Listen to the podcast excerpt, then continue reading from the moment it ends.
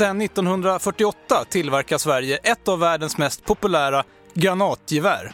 Och med en affärsmodell som för tankarna till rakhyvlar och kaffekapslar. Men det är ett lätt vapen och det är slagkraftigt. Alltså mycket pang för pengarna helt enkelt.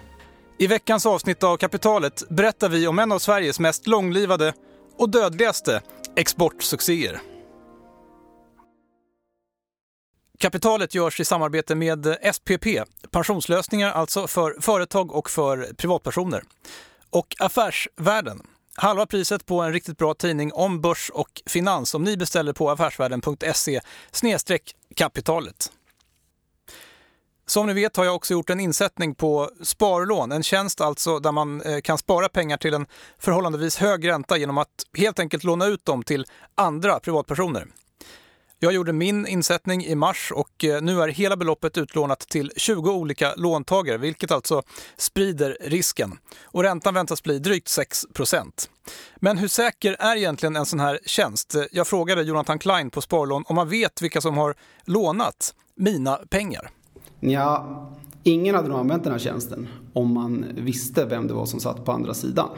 Vi vet ju naturligtvis det och eh, det finns ett bindande avtal mellan den som lånar och den som lånar ut. Vad händer med mina pengar om sparlån går i konkurs då? Eftersom det finns ett bindande avtal så gäller ju det oavsett om vi finns eller inte.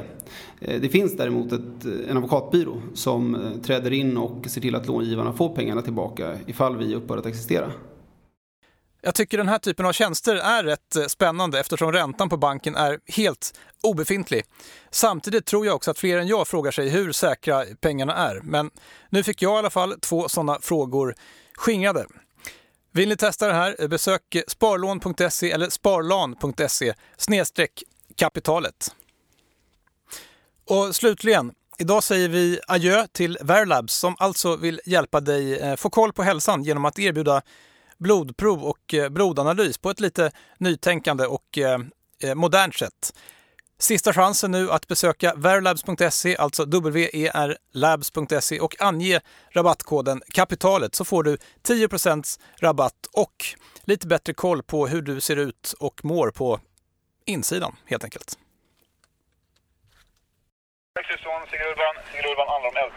I april 2017 åkte frilansjournalisten Olle Nygårds för kapitalets räkning ut till Livgardets skjutområde i Kungsängen, cirka tre mil norr om Stockholm. Sigrid Urban har eldtillstånd, repetera. Slutkom. Jag repeterar, Sigrid Urban har eldtillstånd, plötsligt. Han fann sig snart framför ett stort, öppet fält med torrt ljusgult vårgräs mitt under en pågående skjutövning.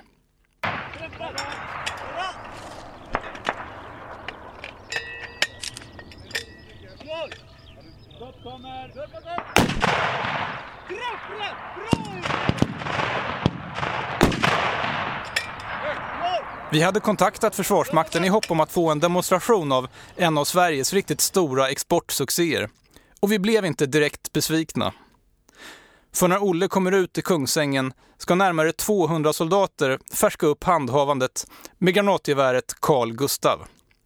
Och allt under ledning av Carl Gunnarsson, en kapten med lång erfarenhet av vapnet i såväl nationell tjänst som i insatser i utlandet. Återigen, hemvärnssoldater de är granatgevärsutbildade. De genomför nu en, eh, vad ska vi kalla det för, en avrostningsskjutning. Eh, och det är för att imorgon kunna genomföra ja, stridsskjutningar i eh, kompaniram, plutons fördröjningsstrid.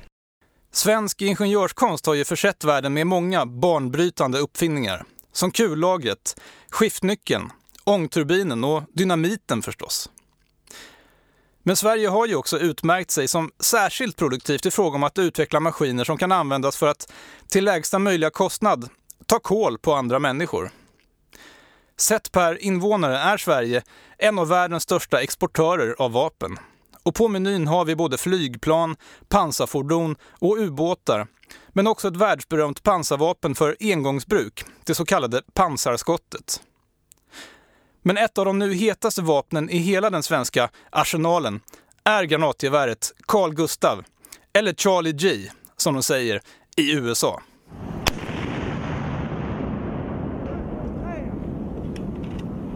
Blackblaster clear! Firing, firing, firing! I någon slags eh, militärteknisk branschjargong är Carl Gustaf ett så kallat rekylfritt närpansarvärnsvapen. Men för någon som aldrig har kommit i närheten av militären så beskrivs det kanske bäst som ett en meter långt stuprör som väger kanske 10 kilo. I rörets bakre ända placeras 8,4 cm tjocka granater. Soldaten bär röret över axeln, tittar genom ett kikarsikte, siktar mot målet och fyrar av geväret med en vanlig avtryckare. Och tack vare att geväret är öppet i båda ändar så upplever skytten ingen rekyl alls. Detta eftersom energin som frigörs åker ut där bak i form av en stor eldkvast. Carl Gustav tog sig tjänst 1948 med det uttalade syftet att vara ett slagkraftigt men samtidigt bärbart vapen. Och ytterligare en bild av hur det används får man av den här texten från Eskilstuna stadsmuseum. Spränggranat M48 är till för mjuka mål, det vill säga soldater, byggnader och fordon utan pansar. Granaten går att tidsinställa efter hur långt bort målet är så att den sprängs i luften ovanför målet och de 800 stålkulorna angriper ovanifrån. Funktionen garanterar god verkan även om fienden tagit skydd bakom någonting. Och god verkan är alltså militärt språkbruk för att vapnet, ja, utan förskönande omskrivning, dödar effektivt. Men en tjusning med Carl Gustav, så som det beskrivs i alla fall, är att det inte bara kan användas för att skjuta spränggranater, som nämnt ovan av Eskilstuna stadsmuseum, utan ett helt utbud av granater i olika färger och former. Pansarspränggranater, lysgranater och rökgranater som exempel. Och just rökgranater har spelat en central roll vid svenska internationella insatser. Ja, dels använder vi det för det man kallar power projection. Att eh, man tar upp det. Och då eh, avtar väl viljan att bråka hos en hel del. Eh, de flesta vet ju att det är ganska otäckt vapen. Det här är Ulf Henriksson, en pensionerad överste av första graden. Som befälhavare för den första nordiska FN-bataljonen i Bosnien under åren 1993 och 94 gjorde sig Ulf Henriksson känd som en hårdför förhandlare och kom bland annat att kallas sheriffen Ivares. Det är praktiskt nytta att använda. Det hade vi en gång när vi skulle köra hjälpsändningar upp till en isolerad by som inte hade fått eh, något käk på tre månader. Men problemet var att UNHCR med fler vågade inte åka där för serberna sköt oavsett om det var vita bilar eller något annat när man åkte förbi. Och Eh, då konstaterade vi att eh, den här hjälpsändningen den ska, den ska upp om vi ska vara trovärdiga. Och då kom vi fram till att vi skjuter rök med granatgeväret. Det enda det största problemet vi fick det var ju att det var långt. Det var ju 1800 meter. Och enligt skjuttabeller och annat så skjuter man rök 800 meter.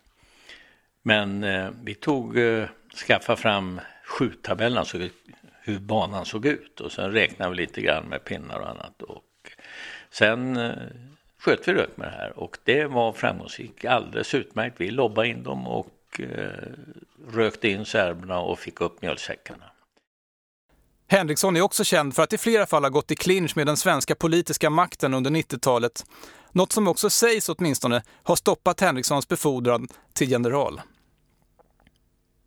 Vad som är mindre känt utanför de smalare försvarskretsarna är Henrikssons bidrag till debatten inom det svenska militära försvaret.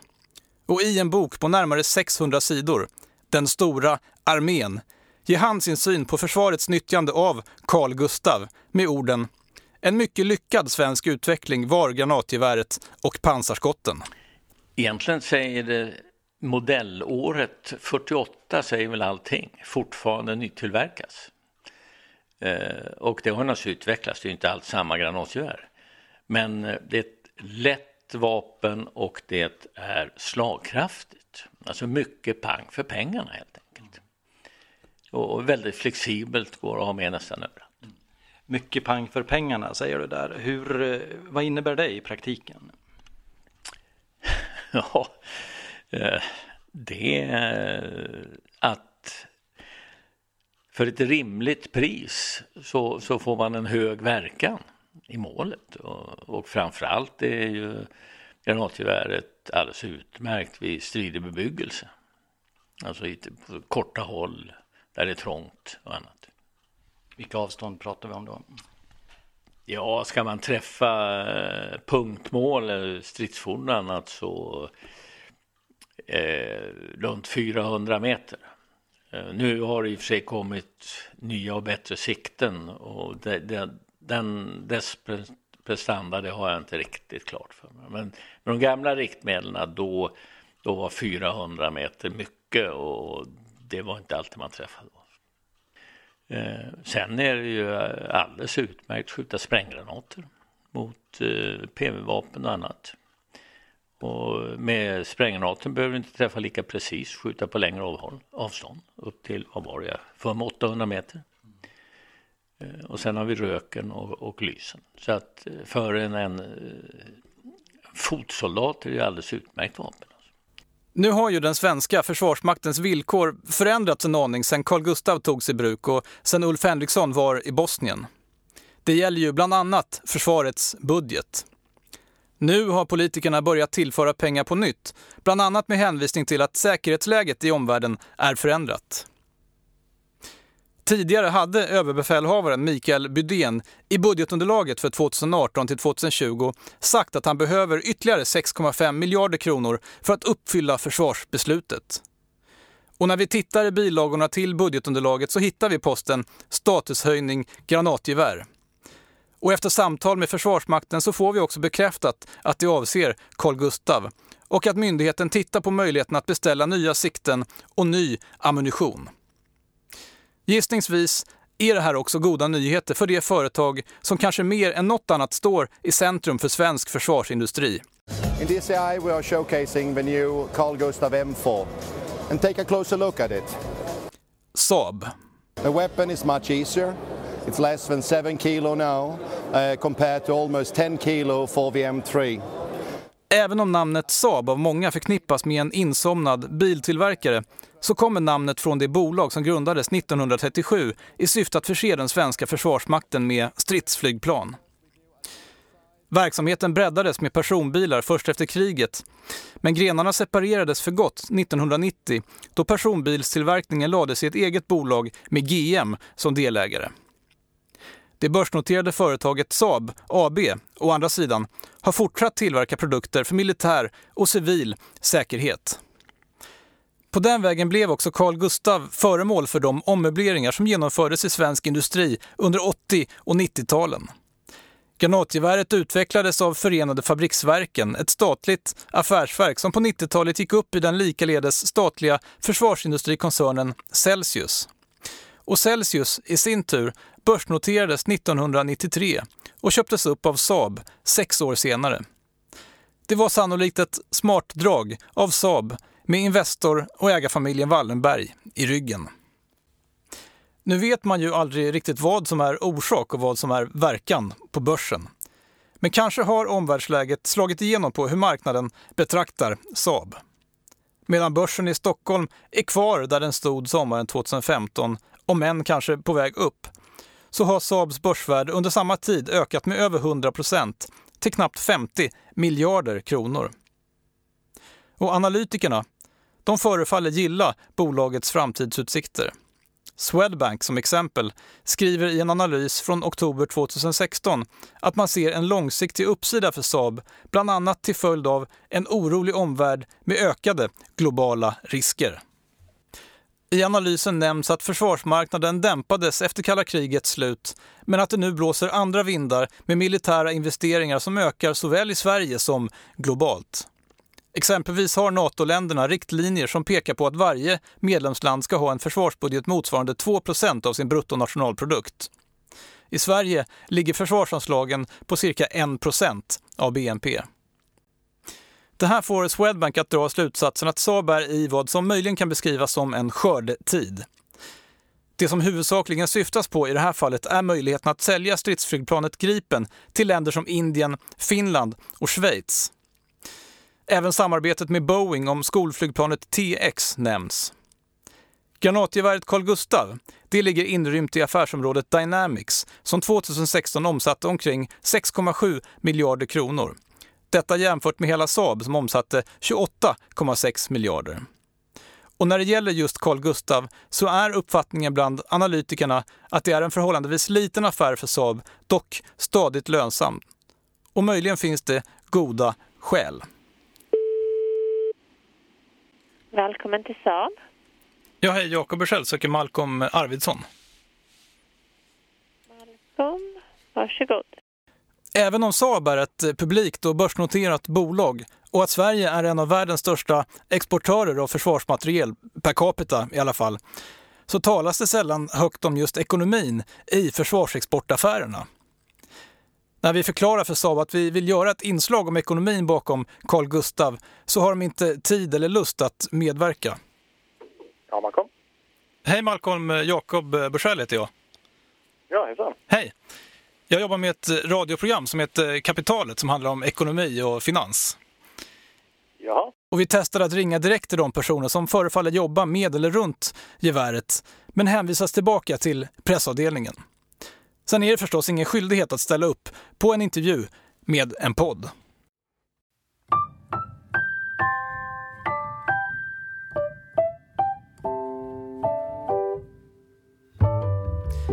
Har dock hittat eh, dokument från det amerikanska försvarsdepartementet som i alla fall ger en fingervisning om hur affären kan se ut.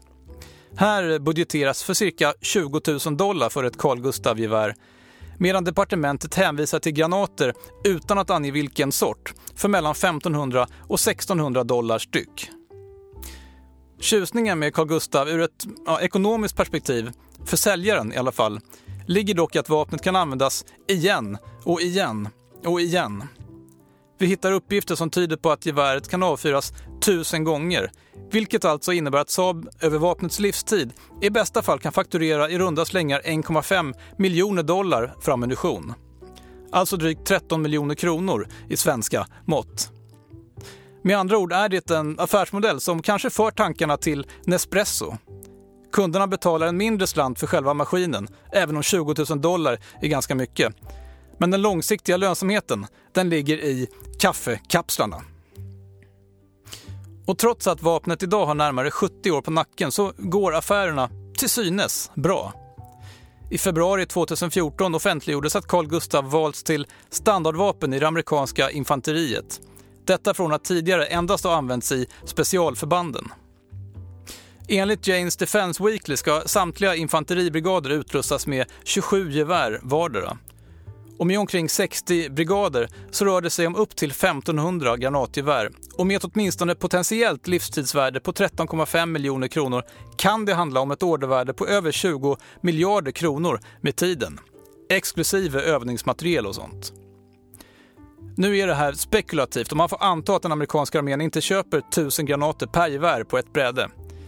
Men rör det sig bara om en tiondel så handlar det ändå om över 2 miljarder kronor.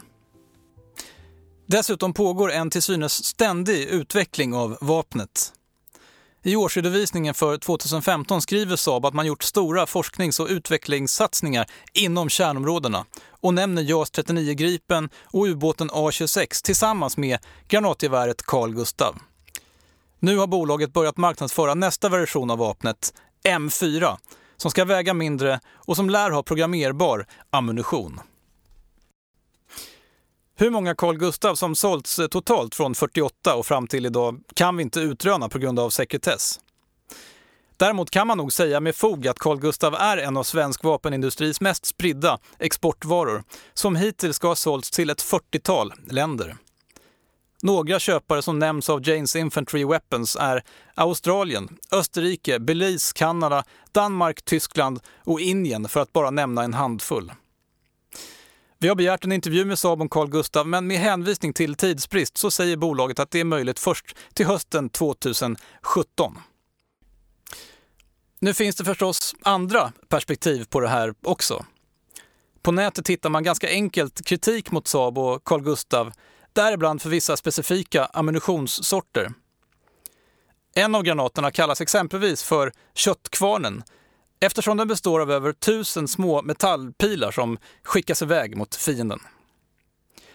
Historiskt har också exporten varit eh, föremål för en del politiska kontroverser.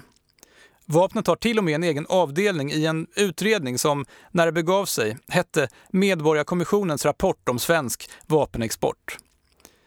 En central fråga i sammanhanget är de så kallade Englandsavtalen från 1963.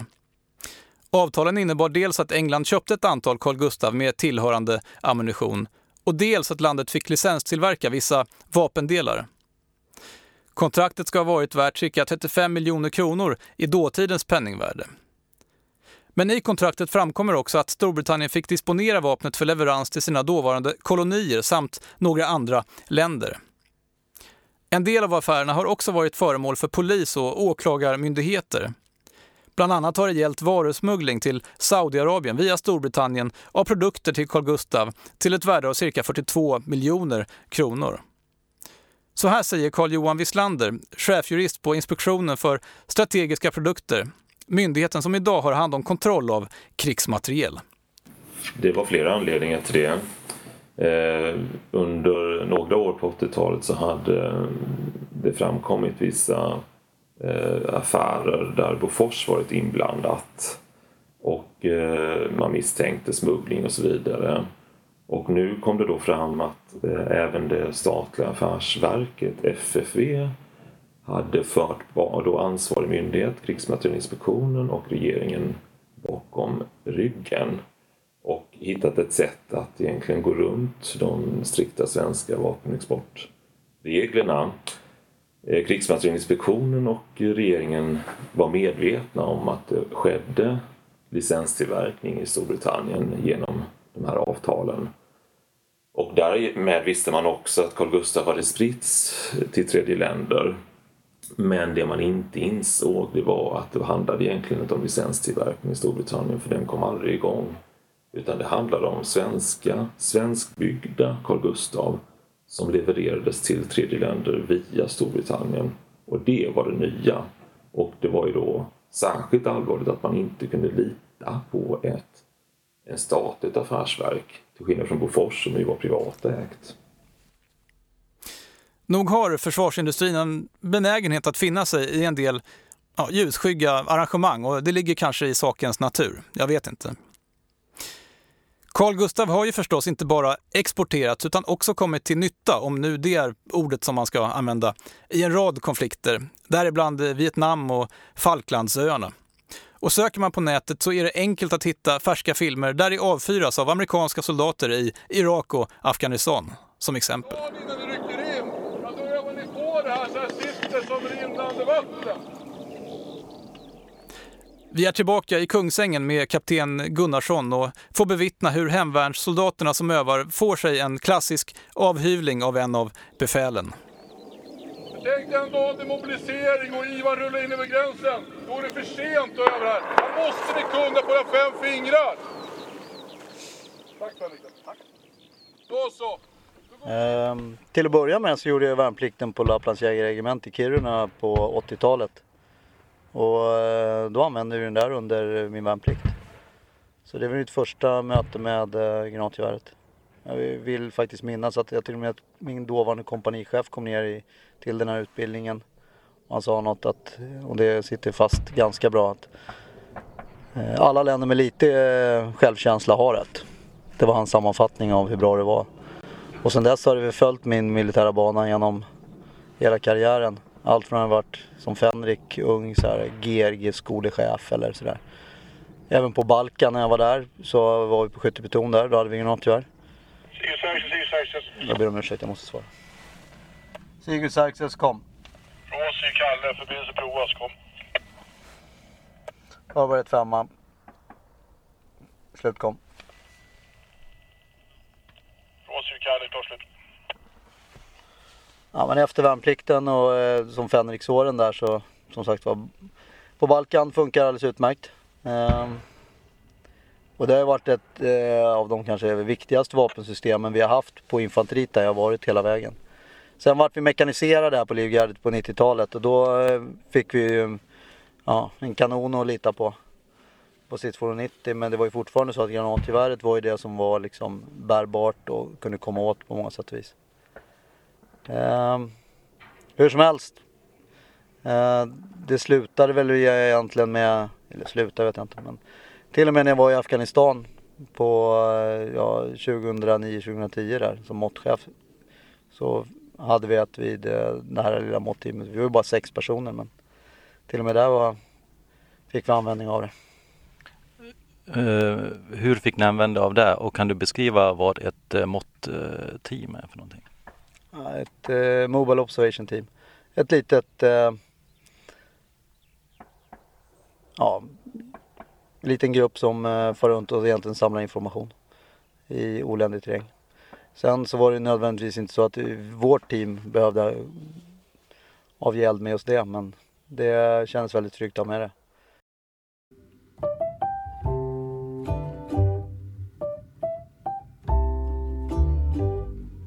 Ni har lyssnat på Kapitalet, den här gången producerat i samarbete med journalisten Olle Nygårds. Jag är tillbaka om en vecka. Tack så mycket för att ni lyssnade. Hej då!